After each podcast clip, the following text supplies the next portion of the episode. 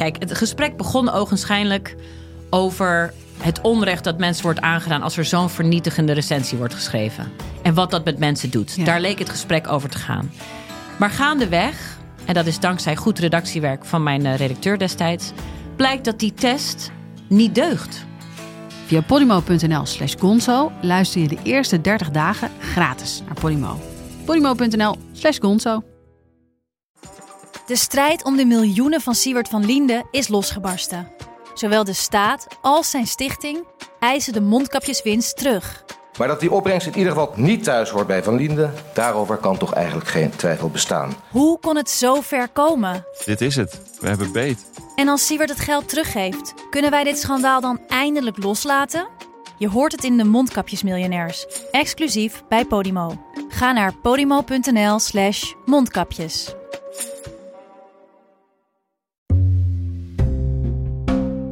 Welkom bij Buitenlandse Zaken, een podcast van de Groene Amsterdammer. In deze podcast bespreken we internationale zaken en artikelen die in de Groene zijn verschenen. Buitenlandse Zaken verschijnt elke drie weken op groene.nl en op alle bekende podcastkanalen. Ik ben Rutger van der Roeven, buitenlandredacteur van de Groene Amsterdammer en ik maak de podcast vandaag met mijn mederedacteur Casper Thomas. Die zit hier naast mij aan tafel. En eh, we hebben een bijzondere eh, uitzending vandaag. Want we zitten niet in ons gebruikelijke opnamehok op de redactie. We zitten live in Pakhuis de Zwijger met publiek erbij. Als jullie je willen laten horen, heel graag. Veel dank, veel dank. Straks schuift ook journalist Laila Frank bij ons aan. We gaan het met haar hebben over de Verenigde Staten en om precies te zijn over de vraag of daar een nieuw progressief tijdperk op uitbreken staat. President Biden ontpopt zich als een onverwacht progressieve president en de Republikeinen zijn een donker bos ingeleid door Donald Trump. Of is dat veel te rooskleurig voorgesteld? Daar gaan we het over hebben. Daarvoor gaan Casper en ik praten over de sterke man. Het was voor, volgens velen een goed jaar voor de democratie en een slecht jaar voor de autoritaire leider. Klopt dat wel of niet en waarom? En in onze rubriek Historische Woorden luisteren Casper en ik naar niemand minder dan Mark Rutte. Maar eerst dus een heel ander onderwerp, de sterke leider. In een hele reeks landen werden dit jaar sterke leiders aan de kant gezet of verloren ze een flink deel van hun glans. Uh, Vladimir Poetin dacht dat hij Ruslands glorie kon herstellen door een frisse veroveringsoorlog, maar hij draaide zijn land vast in een moordend conflict. In Brazilië zetten de kiezers hun macho-president Jair Bolsonaro aan de kant. Uh, in de VS werd Donald Trump aangewezen als schuldige voor de verkiezingssof van de Republikeinse Partij.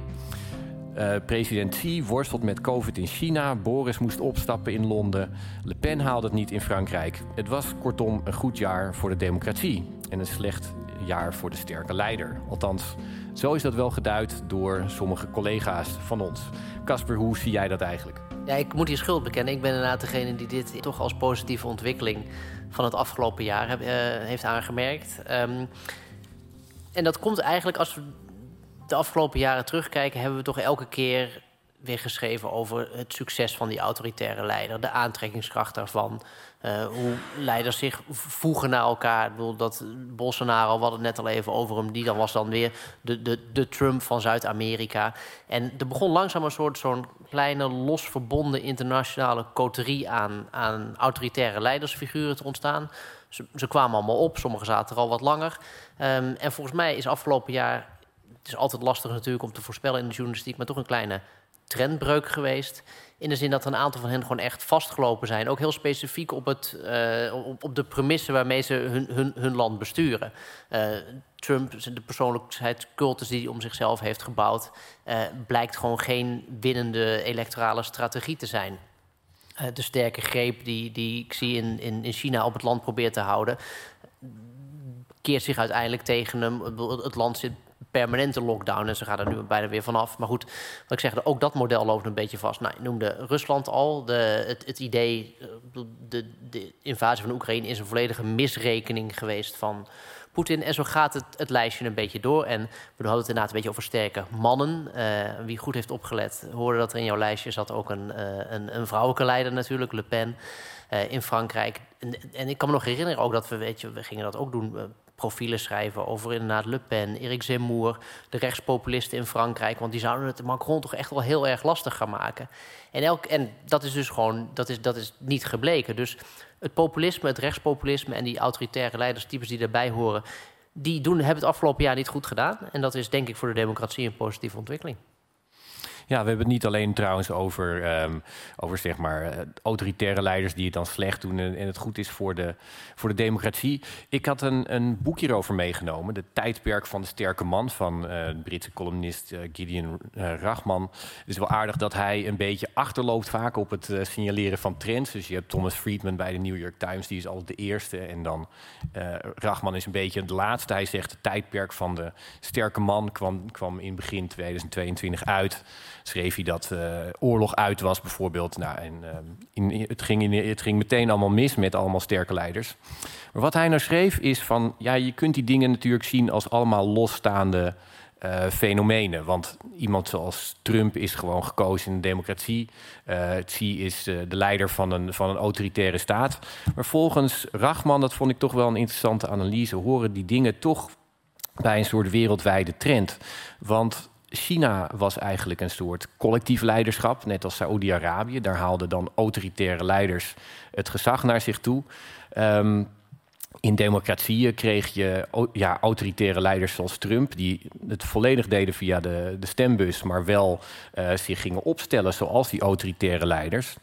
En wat hij dan niet heeft beschreven, maar wat in 2022 is gebeurd, is dat je inderdaad ook collectief eigenlijk tegelijkertijd een aantal van die mannen ziet struikelen. Dat is toch wel eigenlijk heel uh, opmerkelijk dat dat um, een beetje tegelijkertijd gebeurt. Je zou dat kunnen zien als, als toeval of misschien toch als iets breders, als een soort mondiale trend. Ja, nee, het, het is geen toeval. Ik denk dat het heel erg te maken heeft met de omstandigheden die zich de afgelopen jaren hebben voorgedaan. En dat zijn wereldwijde omstandigheden. Dat is een COVID-pandemie, dat zijn de economische, de economische tegenwind die daaruit voortkomt.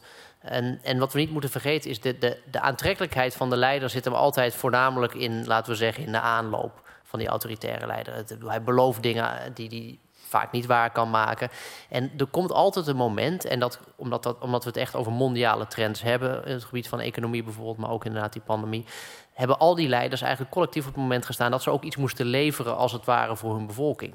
En dat is eigenlijk waar het, waar het, waar het misgaat. En er is altijd een klassieke discussie gaande. Uh, die, die discussie is al heel oud. En wat dat betreft ben ik blij dat die andermaal toch wel weer geslecht lijkt te worden in het voordeel van de democratie. Er wordt gezegd, ja, het nadeel van democratie is, daar moet iedereen altijd maar praten en overleggen. En dan krijg je eigenlijk niks voor elkaar. En het voordeel van een, sterke leider of een halve dictatuur is toch, ja, die, in ieder geval worden de dingen geregeld. Je hebt misschien weinig vrijheid, maar in ieder geval, uh, wat ik zeg, kunnen de zaken worden doorgedrukt. Nou, dat, ook, ook dat is niet gebleken. Wat heel interessant is, ik luisterde ter voorbereiding van, van deze avond was ik een podcast aan het luisteren met Francis Fukuyama en Larry Diamond. Larry Diamond is een, eh, een, een soort collega van Fukuyama die in de gaten houdt hoe staat het met de democratie in de wereld. Brengt hij elk jaar een soort rapportje ook over uit. Nou, Fukuyama is natuurlijk Mr. End of History. Uh, de democratie zal altijd aan het langste eind trekken. Nou, dit jaar was ook weer een jaar waarin de artikelen Fukuyama was right... die uh, heb ik ook weer zes of zeven keer langs zien komen. Maar wat zij zeiden, en dat, dat klopt wel... is dat eigenlijk de, wat, wat brengt Poetin nou uiteindelijk echt aan het wankelen? Niet eens zozeer die, uh, die miskleun in, in, in Oekraïne... maar het feit dat de, de Russische economie echt begint, begint te kraken. Daar hebben wij hard voor gezorgd met sancties natuurlijk. En hetzelfde gebeurt in China. Ook daar is de, is de rek een beetje uit, economisch gezien. Dus uiteindelijk blijkt toch wel dat zonder groei voor een breed deel van de bevolking uiteindelijk die autoritaire leiders ook niet echt aan het langste eind zullen trekken. En dat verhaal zit ook een beetje in, uh, in, in, in, in Donald Trump. Een van de redenen, we komen er misschien straks nog even over te spreken als, uh, als Laila hier ook aanschuift is dat de Republikeinen met hun hele uh, Trump-beweging hebben eigenlijk heel weinig geleverd, ook voor de Republikeinse kiezer. Dus het is de vraag, weet je, heel veel Amerikaanse stemmers zeggen: ja, wat, wat levert het mij nou eigenlijk uiteindelijk echt op om hier achteraan te lopen? Dus ik denk dat we een jaar hebben gehad waarin de vraag was: die autoritaire leiders kunnen ze eigenlijk een beetje leveren? En het antwoord in veel gevallen is dus nee geweest.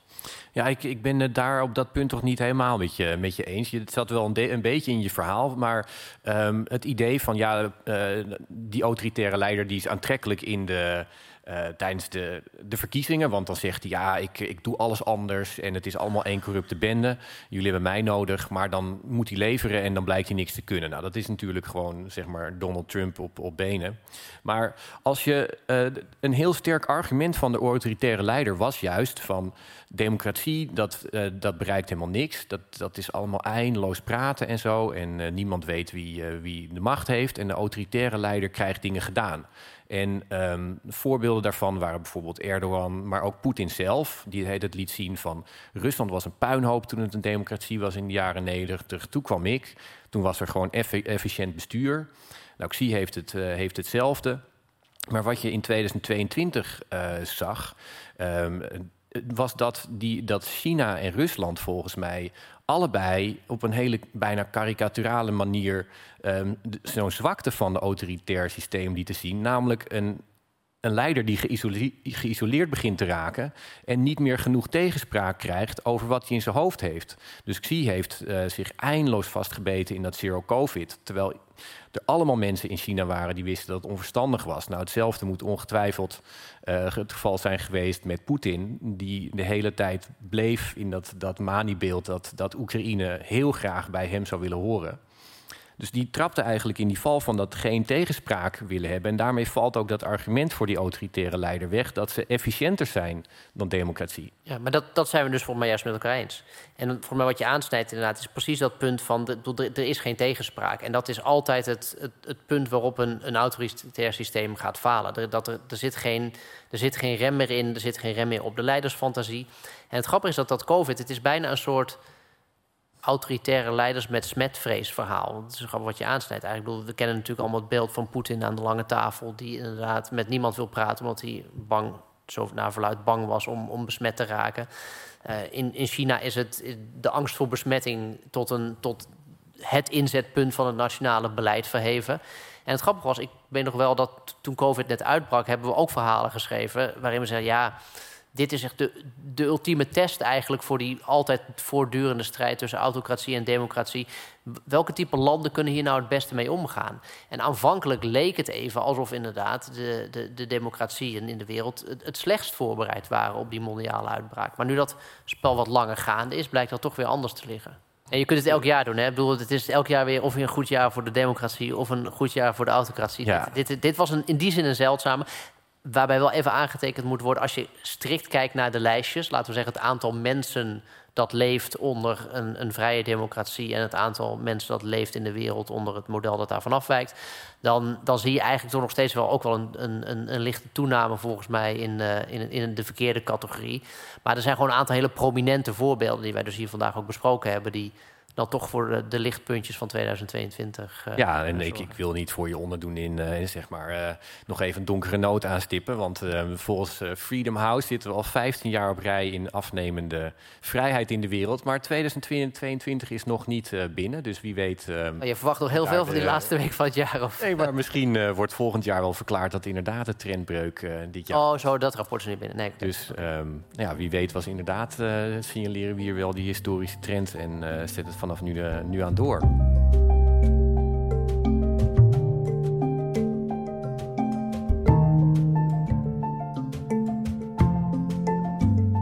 En dan nu, historische woorden. Onze rubriek waarin we een citaat bespreken van een politicus uit de afgelopen weken dat zomaar historisch zou kunnen worden.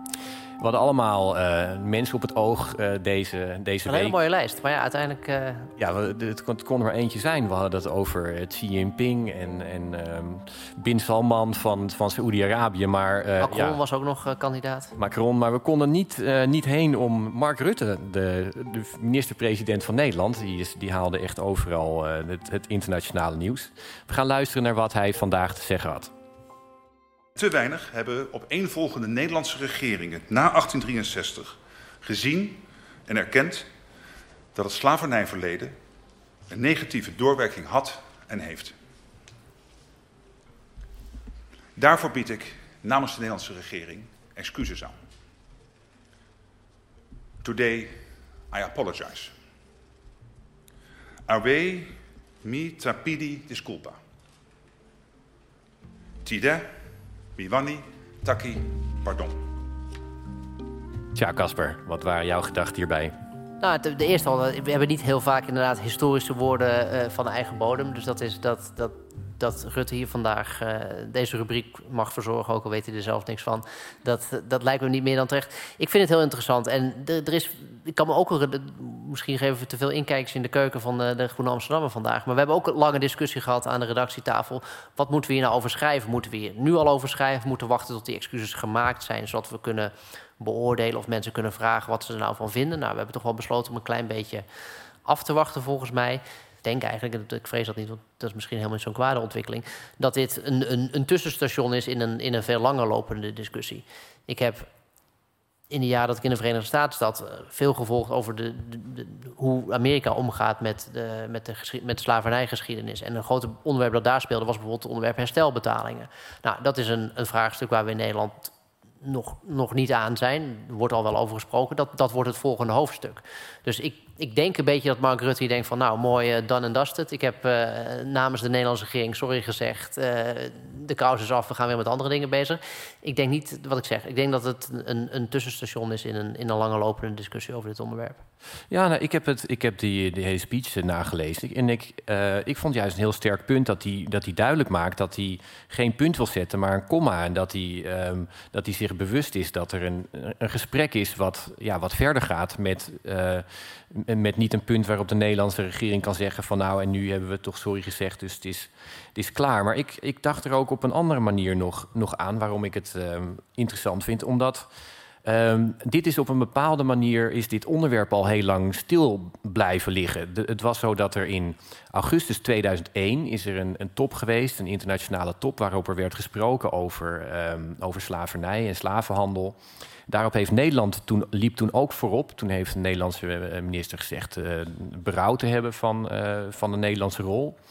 En dat is toen niet verder gegaan. Dat had toen een iets andere insteek. Dat waren toen Afrikaanse landen die dat aan, aanstaken. Nu zie je dat dat de discussie erg vanuit, vanuit binnenlandse discussie in Nederland wordt aangezwengeld. Maar dat was internationaal gezien op een bepaalde manier een, een soort millennium-onderwerp. De wereld was bezig met millennium goals, de, de armoede uitbannen, uh, kindersterfte halveren of, of nog, nog lager.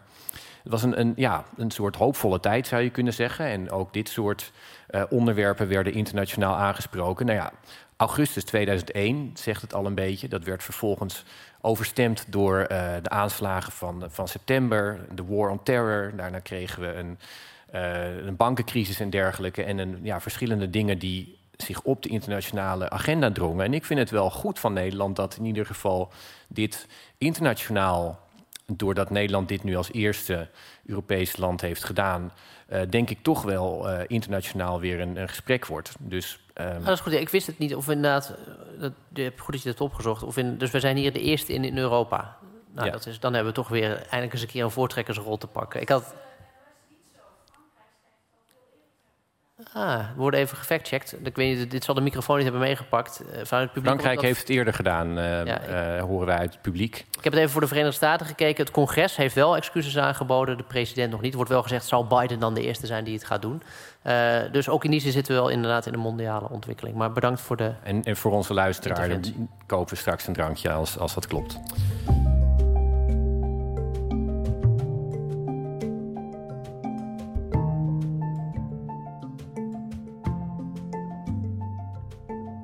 En dan gaan we nu naar ons derde onderwerp. De Verenigde Staten. In de Verenigde Staten zit een oude man in het Witte Huis die zijn hele leven lang een centrist is geweest, maar die als president opeens allemaal progressieve wetgeving doorprobeert te voeren. En daarmee, gezien de flinterdunne marges waarmee hij moest werken in het parlement, in de eerste twee jaar best succesvol was. Daarnaast blijft de Republikeinse Partij naar het lijkt zich maar richten op het verliezende paard Donald Trump en een slinkend kernelectoraat in de vorm van witte evangelicals. Dat opent volgens sommigen de mogelijkheid van een nieuw progressief tijdperk. Casper Thomas was vijf jaar correspondent van de Groenen in de VS en publiceerde zijn boek net Amerika's laatste kans. En bij ons is aangeschoven journalist Laila Frank. Laila woonde in Philadelphia en Los Angeles en maakt regelmatig reportages vanuit de Verenigde Staten, onder meer voor de Groene Amsterdammer. Laila, welkom. Dankjewel. Ik ga jou het als eerste vragen. Hoe kijk jij hier tegenaan? uh, of we Joe Biden als uh, het beginpunt van de progressieve revolutie moeten zien? Ja. Ik voel al sceptisch. Ja, goed aangevuld. Nou, er valt een hoop over te zeggen. Maar ik denk niet dat je de afgelopen twee overwinningen van Joe Biden moet uh, uh, vergissen in slecht Nederlands. Uh, mistaken voor een, een, progressieve revolutie. In 2020 heeft, ik zeg altijd, Joe Biden heeft niet gewonnen, maar Donald Trump heeft verloren. Het was vooral een afrekening met Donald Trump. Alles beter dan dat. En die midtermverkiezingen, die tussentijdse verkiezingen die we net hebben gehad, um, was een afrekening met, ook met Donald Trump. En ook met de, de beslissing van het Hoge Rechtshof om het landelijke recht op abortus terug te draaien. En ik denk ook met de, de samenstelling van het Hoge Rechtshof in het algemeen. Dus het uitgangspunt van die twee overwinningen was niet vooruitgang, maar achteruitgang, als je het mij vraagt. Dat is denk ik het, een beetje het politieke verhaal. Los daarvan denk ik dat je wel ziet dat uh, de geest van veel Amerikanen rijper is voor progressief beleid dan dat de afgelopen 20, 30, 40 jaar zo is geweest. Maar dan is er nog een punt. En dat is dat als je kijkt naar hoe de macht is georganiseerd in de Verenigde Staten, um, dat de macht vooral gericht is op de conservatieve krachten. En je hebt die macht toch nodig als je echt vooruitgang wil bereiken. Dus inderdaad enige sceptisch. En je, je had het net over die, uh, de geest van de Amerikanen die uh, misschien iets, uh, iets rijper daarvoor is. Je, je bent naar Florida en Pennsylvania geweest in de afgelopen maanden voor de verkiezingen van november. was dat inderdaad de indruk die je daar kreeg? Nou, het zijn twee onvergelijkbare staten in, in heel erg veel vooruitzichten. Laat ik eens beginnen bij, bij Pennsylvania waar uh, de Democraten uh, gewonnen hebben en, en flink ook. En dat had met een aantal dingen te maken. Maar als we kijken naar de progressieve geest en naar de kandidaten die het daar gewonnen hebben, dan zie ik wel. Uh, in ieder geval op het sociale vlak een behoorlijk progressieve wind waaien. Hè? De, eigenlijk de klassieke democratische thema's. de LHBTIQ-rechten, vrouwenrechten. Um, uh, groene economie. Nou, dat is niet waar. Wacht even. Deze neem ik terug in Pennsylvania. Ja, Pennsylvania is. Heeft, ja, nee, uh, precies. Petterman heeft een draai gemaakt. Hij begon, hij begon tegen exact. fossiel en uiteindelijk was het toch. I'm, I support fracking. I support fracking, precies. Nee, dus um, he, als het over sociale onderwerpen gaat, waait er wel degelijk een sociale of een progressieve wind in Pennsylvania. Als je naar de economie kijkt, en we hadden, nou ja, Casper noemt Fetterman het al, uh, dan is het een behoorlijke America First boodschap. Hè? Make shit in Pennsylvania. En toch ook de oude industrieën die het daar doen. Dus mm, mixed is dat bag. niet dan Noem juist het een mixed bag? de traditionele linkse agenda? De, de In plaats van de progressieve de, bedoel je? Ja. Uh, nou ja, nee, de Fetterman is wel een interessante uh, Midwestern Bernie uh, variant. Ik weet niet hoe Casper Nee, dat ben ik nog eens. Maar kijk, en dit is het punt. Volgens mij, de kan, en dat heb ik natuurlijk, ik heb een beetje geëdit hier, maar die, die vraag van die progressieve revolt is natuurlijk ingestoken. de kandidaten die het goed doen bij de Democraten komen wel uit die hoek. Ja. Dus dat, en als laten we zeggen dat het een soort signaal voor de toekomst is. Wie, zij brengen ook een nieuw electoraat naar de stembus, jonge kiezers. Dus in die zin wat ik zeg, is de revolutie, uh, verkondig je hem pas als hij geslaagd is, of, of, of, of, kijk je naar de eerste kiempjes die opschieten? Ja. En er zit wel een soort neiging, en dat, dat is grappig, die hier ook dan vandaag aan tafel een beetje komt, dat we kijken, zijn op een bepaalde manier naar de politiek in Amerika gaan kijken dat als uh, als Trump wint, dan heeft hij iets gedaan wat, wat, wat dermate succesvol was. Want hij heeft mensen voor zich geweten te winnen. En hij heeft een verkiezingsoverwinning behaald. Nou, dat was zo in 2016. Als het omgekeerde gebeurt, als, als, dan is het niet inderdaad... die anderen hebben het goed gedaan. Nee, nee, dan heeft Trump het slecht gedaan. En dat is toch, vind ik toch niet helemaal eerlijk, laat ik het zeggen. Niet helemaal fair, niet helemaal gebalanceerd ten opzichte van die... Uh, uh, laat, van Biden, om maar wat te noemen. En dat, het voorbeeld is, ik heb dat ook kort in dat, in dat boek wat je net noemde, stipte ik dat aan. Zeg maar, toen Trump verkozen was, gingen we met z'n allen, jij hebt dat gedaan, ik heb dat gedaan. Iedere Amerikaanse journalist ging inderdaad op zoek naar die, naar die Trump-kiezer. De, de boze witte kiezer in de Rust Belt, noem maar op. Toen Biden werd verkozen, ging niemand denken... nou, wie is nou de typische Biden-kiezer? Die moet ik het hem van het lijf gaan vragen... want ik moet weten wat hem, wat hem beweegt. En dat is het niet, vind ik, oneerlijk. Maar toch bij die midtermverkiezingen... ik bedoel, dan sta je er op al die rallies... en dan ga. Dit, ik denk dat er heel veel geschreven is dit keer over... waarom democraten naar een stembus gaan... of over waarom independents naar een stembus gaan.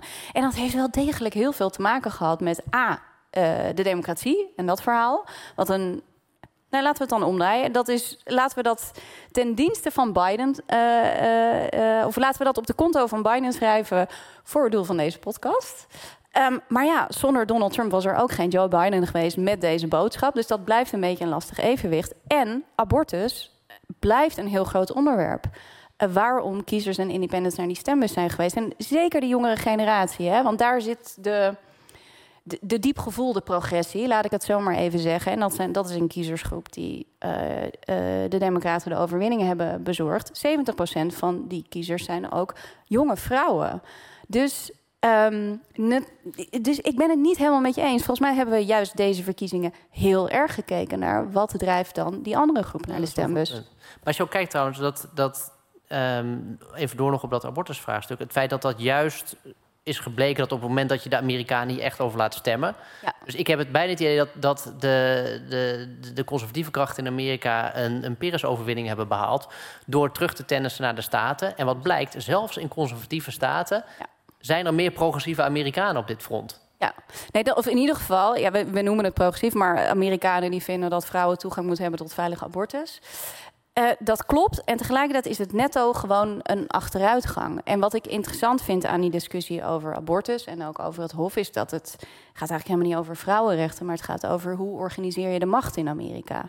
En daarin zie je een trend dat uh, in ieder geval het Hof en de conservatieve beweging probeert steeds meer macht neer te leggen bij de staten. En daarin zie je een enorm onderscheid tussen hè, de staten waarin wel degelijk een progressieve revolutie plaatsvindt, maar ook staten waar een conservatieve revolutie plaatsvindt. En nou ja, als ik het dan toch maar even naar de vrouwen terughaal, daar is de achteruitgang uh, behoorlijk groot. Jij schetst eigenlijk een, een Verenigde Staten waarin de, de samenleving een beetje weggroeit, of andersom, van uh, de, de macht daarboven. Ja. En de Republikeinse Partij die heel succesvol is geweest om met minimale middelen of minimale steun uh, heel veel politieke macht te krijgen. En eigenlijk, uh, als ik het dan even samenvat, dan gaat de samenleving misschien wel richting progressiever standpunten. Maar gaat die de bestuurlijke bovenlaag de andere kant op? Ja, dat is natuurlijk een hele interessante ontwikkeling. Want daar ben je dan ook journalist voor. Ik ben ook heel benieuwd waar dat heen gaat. Kijken als het over abortus gaat, dat zegt Casper net ook al, zie je gewoon dat het in de ene, hè, zelfs in rode staten, dat het volk uiteindelijk in die staten waar ze zelf een, eigenlijk een een referendum op het stembiljet mogen zetten, dat het voor de progressieve de goede kant op gaat. Um, ik ben de lijn van mijn verhaal kwijt, jongens. Dat heb je wel eens. Nou ja, ik, ik, ik, nee, want ik, kan, ik kan hem oppakken. Dus Dank je. zover was hij niet. En de vraag is volgens mij namelijk hoe lang kan dat, kan dat door blijven gaan? Hoe lang kan je als een, een, een macht hebben, of, of de, de, meest machtige instituties, waarvan de lijn afwijkt van wat eigenlijk het grootste deel van de bevolking wil? Exact. Dat is eigenlijk dezelfde vraag in een, in, een, in een dictatuur. In het geval van Amerika zijn we deze vraag nu aan het bespreken. In het geval van een democratie.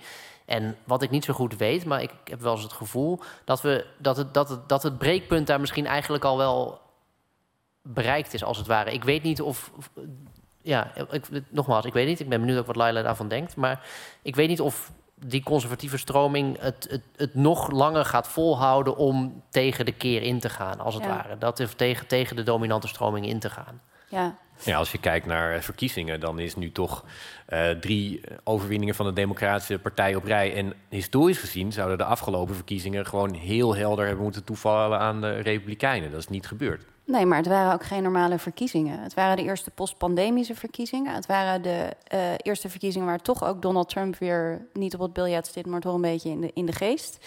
Het ging over de democratie en het ging over abortus. Dus ik, ik, we hebben ook de neiging om deze verkiezing dan als een gewone verkiezing te zien, terwijl de omstandigheden daar helemaal niet naar waren. Dus daarom vind ik het moeilijk om de, tuurlijk, onder, hè, volgens de normale campagnewetten met de economie en de zittende president hadden ze het ronkend moeten winnen, de Republikeinen. Maar het waren geen normale verkiezingen.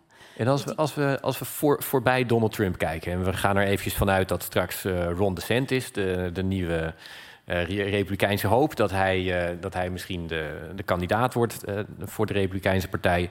En hij heeft een heel helder punt. hij is anti-woke dat is zeg maar zijn, uh, zijn unique selling point uh, nu. Um, wat denk jij, wat denken jullie allebei? Als, als zeg maar, kan dat iets zijn als een nieuwe richting van de cultuurstrijd die echt iets om het lijf heeft? Of denken jullie dat dat gewoon dat achterhoedegevecht blijft wat jullie net hebben geschetst? Laila moet beginnen, die is het meest in Florida geweest voor de midden. nou, het is niet, ik, denk wat je ziet bij Ron DeSantis is een soort totaalplaatje. Hij heeft een ronkende overwinning behaald. Uh, meer dan 20 procentpunten in Florida. Uh, en dat doet hij onder andere door zichzelf een voorvechter van de uh, anti-woke-beweging te noemen. Dit zijn zijn woorden, zeg ik er even bij. Maar hij doet nog meer. Hij heeft een enorm profiel gebouwd als uh, de vrijvechter van uh, de anti-corona-maatregelen. Dus Florida was een van de eerste staten die weer open ging. Dus hij heeft een breder profiel dan dat.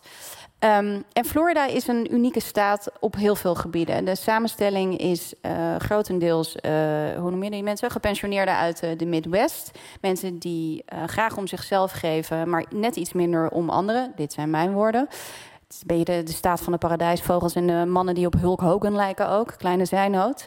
Um, en veel immigranten uit Zuid-Amerika die uit een wat conservatievere snit gesneden zijn.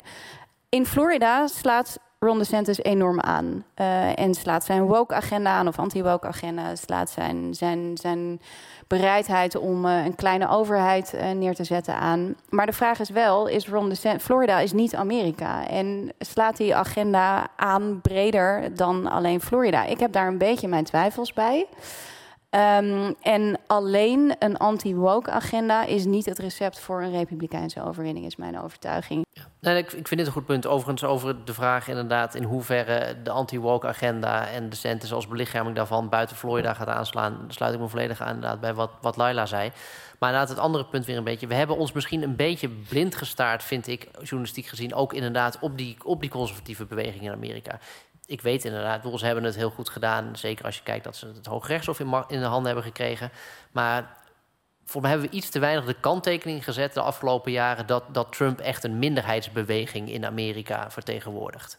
En vandaar dat ik dit gesprek ook graag inderdaad wilde voeren over die, over die progressieve revolte als het, je, misschien is het wel gewoon helemaal geen revolte, want dat, dat suggereert toch een soort kleine meerderheid die opstaat tegen een, tegen een dominante uh, meerderheid. Het is eerder andersom. De vraag is gewoon: gaat het Amerika lukken om dat wat het overgrote deel van de Amerikanen willen, om dat, om dat ook te geschieden? Dus de term revolutie moet je misschien eerder voor mm. conservatief Amerika proberen te hanteren. En dat andere, dat is toch echt, echt de norm in dat land. Ja. En heb jij, um, uh, je wilde ook, of je had, je had aangegeven van nou, de, de, Republikeinen zijn op zich interessant, omdat die, uh, ja, die lijken toch een beetje te breken. Uh, een deel van de Republikeinen lijkt toch gewoon samen te willen werken uh, op punten die we hier vanuit Europa misschien als gewoon heel erg logisch zien. dat je bijvoorbeeld hulp aan Oekraïne, uh, een, stimuleringspakket in, uh, binnen de Verenigde Staten. In de Verenigde Staten geldt dat toch als uh, ja, breken uit de rangen. Um, maar lukt het hier om de, de Republikeinen als een soort partner ook te, te hebben bij die progressieve agenda? Ja, dat, sorry, dat is even iets wat de komende twee jaar moet gaan uitwijzen. Want het, het interessante is omdat dat de Democraten niet de traditionele nederlaag tijdens de midterms geleden hebben is het zomaar mogelijk dat Biden vier jaar lang dingen kan gaan doen als president in plaats van maar de twee jaar die de meeste presidenten gegeven is. Maar goed, dat gaat dus helemaal afhangen inderdaad van de vraag die jij net stelt, Rutger. En waar ik heel benieuwd naar ben, is of de Republikeinen uit de afgelopen jaren de les gaan trekken. Dat, we hadden het al even over in de discussies over autoritaire leiders, dat ook zij echt iets moeten gaan leveren wat de kiezers willen. En meer dan alleen maar uh, de conservatieve cultuuragenda. Ook de Republikeinse kiezer wil een economie die floreert, inkomen, een gezondheidszorgverzekering, al die dingen. Dat wil ook de Republikeinse kiezer. Ze krijgen het alleen nooit, omdat, nou goed, dat is een podcast op zich waard, of, een, bibliotheek op zich waard.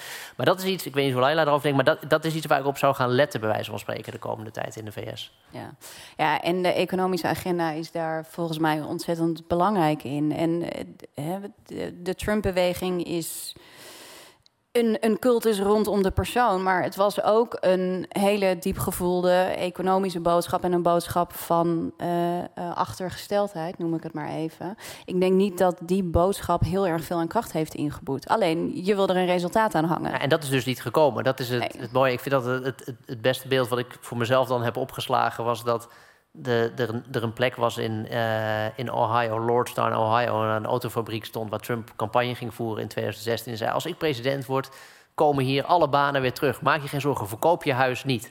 Nou, de, de eerste reportage die ik ging maken uh, toen ik in de VS kwam, was het sluiten van de allerlaatste fabriek daar. En iedereen die zijn huis aan het verkopen was omdat er geen werk meer was.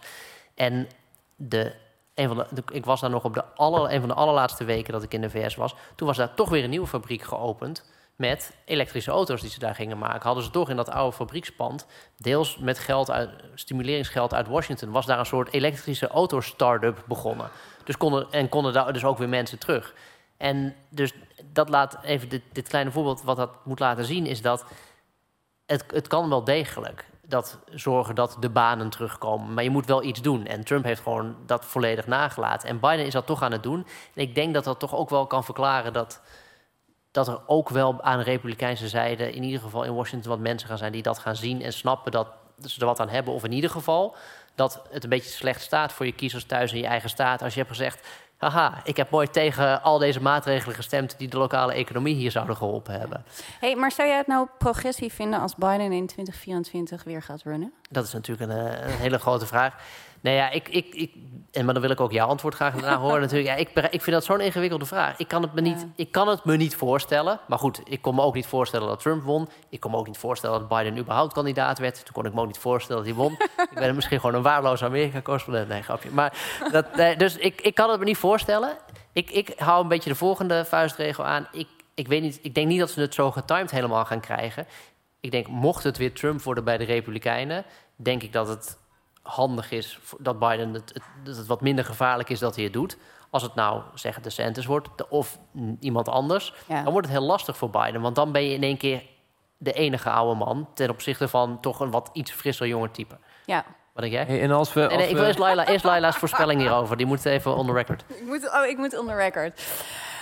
Nou ja, ik, ik, ik worstel ermee, net zoals jij daar, daarmee worstelt. Um, ik proef een zekere moeheid bij de Amerikanen. Ja, er, er, is een, er is echt een deel Biden-stemmers die in volle overtuiging... met heel veel liefde voor deze president zegt... ja, doe, doe het mij nog een keer. Maar ik proef toch ook een zekere moeheid bij heel veel Amerikanen. Um, en tegelijkertijd heeft Joe Biden inderdaad twee keer bewezen te kunnen winnen van Donald Trump, als we de laatste twee verkiezingen zo mogen framen. En ben ik het wel met je eens dat, het, um, dat ik niet iemand anders zie op dit moment die uh, zonder risico tegen Donald Trump zou, zou, het zou kunnen bewegen. Denk ik dat we er echt op vooruit gaan. Ja, dat, ik, ik mag er niet stemmen. Maar je zou Amerikanen toch een, een, een nieuwe generatie leiders gunnen. Ja, ik denk wel dat als Biden eenmaal, stel hij besluit het niet te doen of hij stapt weg of wat dan ook, en, en ook Trump, ik denk dat we dan in één keer zien dat het allemaal openbloeit, oh, ja, als het ware, aan twee kanten. Want het, ja ver te voet te ver om nu hele namenlijsten te gaan doorspitten. Maar zowel aan linker als aan rechterzijde staat volgens, staan echt heel veel mensen te poppen. En die, die, dit zijn gewoon twee stoppen op de fles. Precies. En als die eraf gaan, dan, dan knalt het. Dan wordt het. Dat wordt een hele leuke tijd in Amerika. Ja. de vroeg inzetten op, um, op Joe Biden heeft me al een keer een fles wijn opgeleverd. Dus dat ga ik dan bij deze maar gewoon uh, weer doen. Zitten twee maar, uh, binnenharken deze. Uh, ja, toen we, toen, we, tijdens, toen we al aan het opnemen waren, toen de avond al was begonnen, toen kregen we te horen dat eh, dat Donald Trump uh, waarschijnlijk zou worden aangeklaagd. Um, als dat zou gebeuren, ik bedoel, is dat een soort uh, bekroning voor het, de progressieve richting die de Verenigde Staten inslaan? Of is dat misschien juist een bedreiging die, omdat hij zijn eigen tegenreactie ook weer oproept? Nou, er is de onderzoekscommissie naar 6 januari heeft aanbevolen dat, er, dat de president crimineel vervolgd zou moeten worden. Dus of dat gaat gebeuren is een, tweede. Um, ik, ik vind het moeilijk om, uh, om dat en de progressieve beweging op één lijn te stellen. Omdat dit volgens mij gewoon gaat over de democratie. En niet zozeer over of het iets progressiefs is. Ja, maar als zijn aanhangers dat anders zien? Uh, het, het, is niet een, een, een, progressief versus conservatief vraagstuk. Maar het is wel, Rutger sneden te aan. De, de kans op de backlash is groter, denk ik. Stel, stel, het, is, het is een enorm risico. Stel, wat, kijk, bedoel, het is de, Department of Justice de, kan niet eenzijdig iemand opsluiten of veroordelen. Dat, daar moet wel degelijk een, een gerechtelijke procedure overheen. Die tot God aan weet welk hof gevoerd kan gaan worden. Dus, en als het dan niet lukt, dan heb je het, denk ik, alleen, dan heb je de, de, de Trump-beweging alleen maar meer gevoed. Dus, en dat, het, dat die onderzoekscommissie na 6 januari, de bestorming van het kapitool, dat inderdaad zouden zeggen ja, dat, dat dit de uitkomst zou zijn wij bevelen aan het departement van Justitie aan om Donald Trump te vervolgen. Ja, dat, dat zat wel een beetje in het vat. En ze moeten het ook nu doen, want ik zag, dat was de, de side note bij datzelfde nieuws, dat als straks in januari het congres wisselt van samenstelling, dan gaan de Republikeinen, die gaan dan die 6 januari-commissie weer onderzoeken... om te laten zien dat de onderzoeken niet kloppen. Dus je krijgt een soort wat is het droste-effect van een onderzoek in een onderzoek in een onderzoek. Maar ik denk eigenlijk dat de meeste Amerikanen echt dit al eigenlijk geen bied meer interesseert. Nee, en het lastige is, er, valt niet, er is niet echt een winnaar meer aan te wijzen. Ik bedoel, die hele democratie verliest hiermee. Ik denk dat het heel, ik bedoel, het is heel goed dat dat rapport er ligt. En voor de geschiedenis is daarmee een grote dienst bewezen. En ik denk, we zullen het nooit kunnen bewijzen dat het werk van die commissie uh, toch kleine plukjes heeft gegeven in het electoraat. En dat dat uiteindelijk toch. Maar goed, dat is, dat is mijn aanname. Ik heb daar geen, uh, geen onderbouwing voor. Ja, en de vraag is, hoe, la hoe, lang wil Amerika blijven praten over het verleden? laten we toch Amerika als, en dan progressief even in een neutrale zin bedoel ik dit woord, een land ja. dat vooruit kijkt en niet alleen maar terugkijkt. Op een gegeven moment, Donald Trump de reden waarom hij het niet goed doet, is omdat mensen ook een beetje genoeg van hebben dat hij maar blijft doorgaan over iets wat, wat, wat geweest is. Nou, dat punt is ook voor de Democraten in zicht aan het komen. Um, ja, ik, oh, en ook dat is een soort rem. Eigenlijk, het is eigenlijk is dat, dat is een rem op de progressieve revolutie, echt in, laten we zeggen, politiek positieve zin. Zolang we met dat soort onderwerpen bezig zijn, gaat het niet inderdaad over gezondheidszorg of over uh, het abortusvraagstuk, over andere rechten, al dat soort dingen. Dus, en die honger, nadat het meer over dat soort onderwerpen gaat. Mijn, dat, ik heb het idee dat heel erg leeft bij de Amerikaanse kiezer. Ja, dat ben ik echt heel erg met je eens. En dat blijft ook iets heel cru's, hè? Want ik zat te kijken naar die hoorzitting en uh, Liz Cheney die had het heel erg over. Uh, een van de dingen die tellen in een democratie, of die een democratie een democratie maken, is dat je dus ook verantwoording hoort, af te leggen. Voor, de, verantwoordelijkheid moet krijgen voor je daden. Nou ja, mocht Donald Trump niet vervolgd worden, dan is dat natuurlijk een beetje wat er, wat er ontbreekt. Maar dat is continu de afweging ook in dat politieke systeem. Wat levert het op om dit te doen?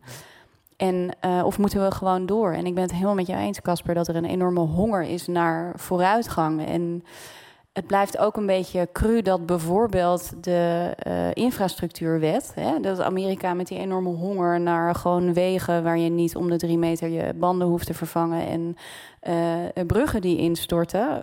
Een ongelooflijk grote prestatie van de regering dat ze dit er doorheen hebben gekregen, waar elke Amerikaan profijt van heeft maar waar hij toch bijna geen, uh, um, hoe noem je dat? geen lof voor ontvangt. Nee, maar dat is, dat is Bidens lot überhaupt een beetje. Dat hij volgens mij dingen doet die best populair zijn, best goed zijn... en dat hij er gewoon niet erg, heel, heel erg voor geprezen wordt. Dus voor mij is het iemand die heel erg tevreden moet zijn met, met, met, met zichzelf, als het ware. Of, of, of zichzelf, uh, zichzelf de complimenten maar moet maken die, hem, die anderen hem niet gunnen. Dus dat, ja, ik, weet, ik heb altijd een beetje medelijden met Biden wat dat betreft. Dus dat, dat zat ook al een beetje in het begin van dit gesprek. dat is maar wat, wat hier dus wel in zit, en daar hadden we het ook al even over, maar dat kan niet genoeg benadrukt worden. Ik denk dat dus inderdaad gaat blijken dat, dat de, de Republikeinen gaan merken dat obstructie plegen, dat dat gewoon niet echt dat dat niet gek populair meer is, ook niet bij hun eigen achterban.